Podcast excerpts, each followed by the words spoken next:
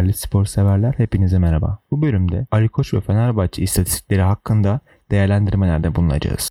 Ancak ilk olarak eğer abone değilseniz dinlediğiniz mecra üzerinden abonelik sağlarsanız beni mutlu etmiş olacak. Yeni bölümlerden de haberdar kalacaksınız. Abone olduğunuz için şimdiden teşekkürler.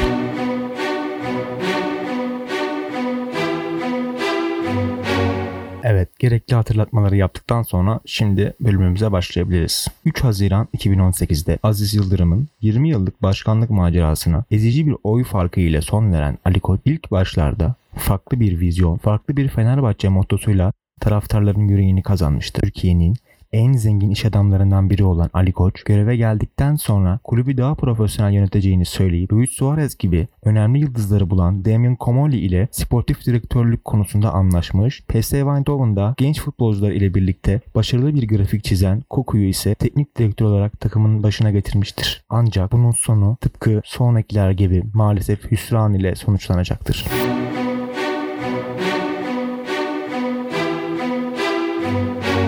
Teknik direktör Koku ve sportif direktör Komolli birlikteliğinin olumsuz bir grafik çizmesinin en önemli sebebine Fransız sportif direktörün ikili ilişkileriyle transferleri bitirmeye çalışmasıdır. Riyakarlık ve adam kayırma her alanda olduğu gibi futbol gibi bir müessesede de böylesine önemli hatalarla sebep olabilmektedir. İlk olarak büyük umutlarla transfer edilen Benzia, Slimani, Zayis, Diego Reyes dörtlüsü taraftarı hayal kırıklığına uğratan isimler olmuştur. Bu dört transferde Komoli'nin Fransa'dan bağlantılı olduğu şirketleriyle gerçekleştirilmiştir. Kendi şirketlerine büyük bir titizlik ile yöneten koç bu aymazlığı maalesef ki fark edememiş ve Fenerbahçe o yıl Süper Ligi 6. sırada bitirirken lig tarihinde eşine az rastlanacak bir şekilde iki kez teknik direktör değiştirmiştir. Koku'nun görevine 28 Ekim 2018'de son verilirken onun yardımcısı olarak göreve gelen Erwin Koeman 14 Aralık'ta yerini Ersun Yanal'a bırakmıştır. Koku Fenerbahçe'nin başında 15 maça, Koeman 9 maça, Yanal ise 24 maça çıkmıştır. O sezon küme düşecek denilen Fenerbahçe'yi daha önceden Nisan ayında şampiyon yapmış Ersun Yanal tekrar düzlüğe sokmayı başarmıştır. 2018-2019 sezonunda Fenerbahçe bir önceki sezon kendisinin küme düşme potasından kurtaran ve daha önceki sezonda şampiyonluk yaşatmış Ersun Yanal ile yoluna devam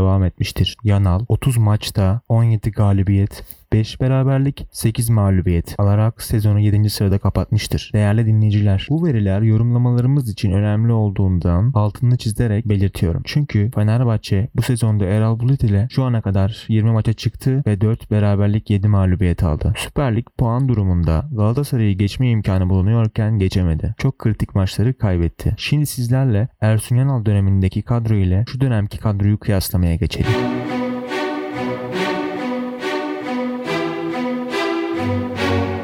Öncelikle şunu gönül rahatlığıyla söyleyebilirim ki Ersun Yanal benim için Nisan ayında şampiyonluk yaşattığı dönemden bu yana tekrar eski formuna geri dönememiştir. Ayrıca bu bölümde olabildiğimce nesnel bir şekilde sizlere iki teknik adamın da hatta dört kıyaslamasını yapmaya çalışmaktayım. Bu ve bunun gibi yayınlar, bölümler hoşunuza gidiyorsa ve devamının gelmesini istiyorsanız dinlediğiniz platform üzerinden podcast serisine abone olmayı unutmayınız. Peki son hatırlatmaları yaptığıma göre şimdi asıl olaya geçebiliriz.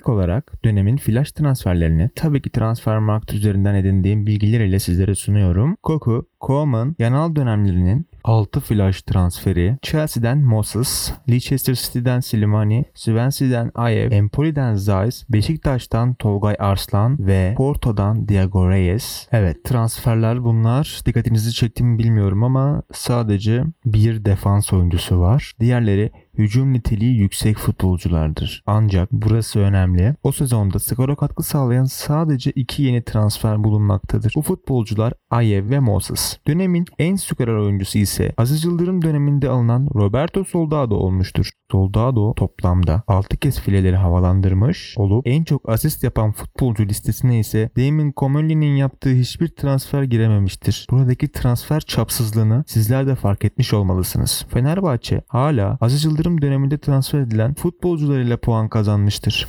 Ya da onların golleriyle puan almaya yaklaşmıştır diyebiliriz.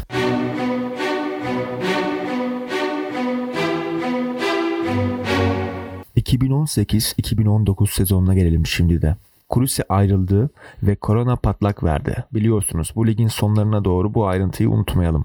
2018-2019 sezonunda flash 6 transferimiz şu şekilde. Kruse, Gustavo, Rodriguez, Vedat Muric, Zanka ve kaleci Altay.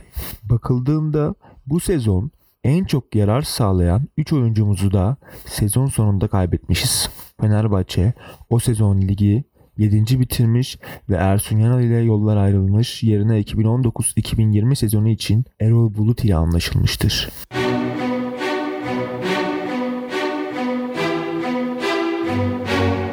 Vedat Muric sene sonu gönderildi. Yerine alınan Samatta ve Sisse onun boşluğunu dolduramadı. Kuruse ile anlaşmazlık yaşadık. Bizi dava etti ve tazminat ödedik. Maaşında indirime gitmedi diye eleştirenler de olabilir. Ancak unutmayın bu kişiler profesyonel futbolcu.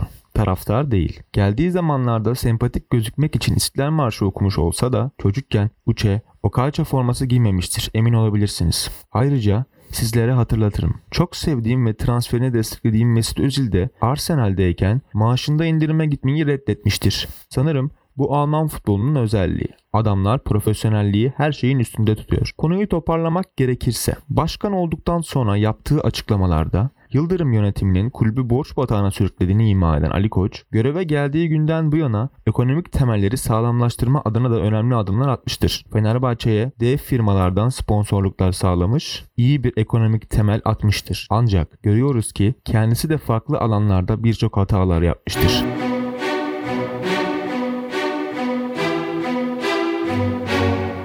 Bu sezon yapılan transferlerin sadece 3 ya da 4 tanesi takımda yüksek performans göstermekte. Takımın Muric sonrası en çok ihtiyacı olan forvet mevkisine yapılan transferlerin hiçbiri maalesef yeterli olmamıştır. Bu sezon ve önceki sezonlarda yaşadığımız başarısızlıklar Ali Koç'un futbol kulübü yönetmedeki amatörlüğünün göstergesidir. Aziz Yıldırım da yönetime ilk geldiği zamanlarda tıpkı Ali Koç gibi bu tarz hatalar yapmıştır. Bizler taraftar olarak eğer Ali Koç'un başkanlığı sürdürmesini istiyorsak sabretmeliyiz. Şu da unutulmamalıdır. Erol Bulut bu kadroyu tek başına yönetmemektedir. Yani ortada bir başarısızlık varsa bir fatura kesilmesi gerekiyorsa bu komple idari kadroya kesilmelidir. Bunun içinde tabii ki Erol Bulut da var. Sadece tek başına değil. Ve son olarak dinlediğiniz için teşekkür eder. Abone olmadıysanız abone olmanızı, yorumlarda fikir ve görüşlerinizi iletmenizi rica ederim. Sağlıcakla kalın.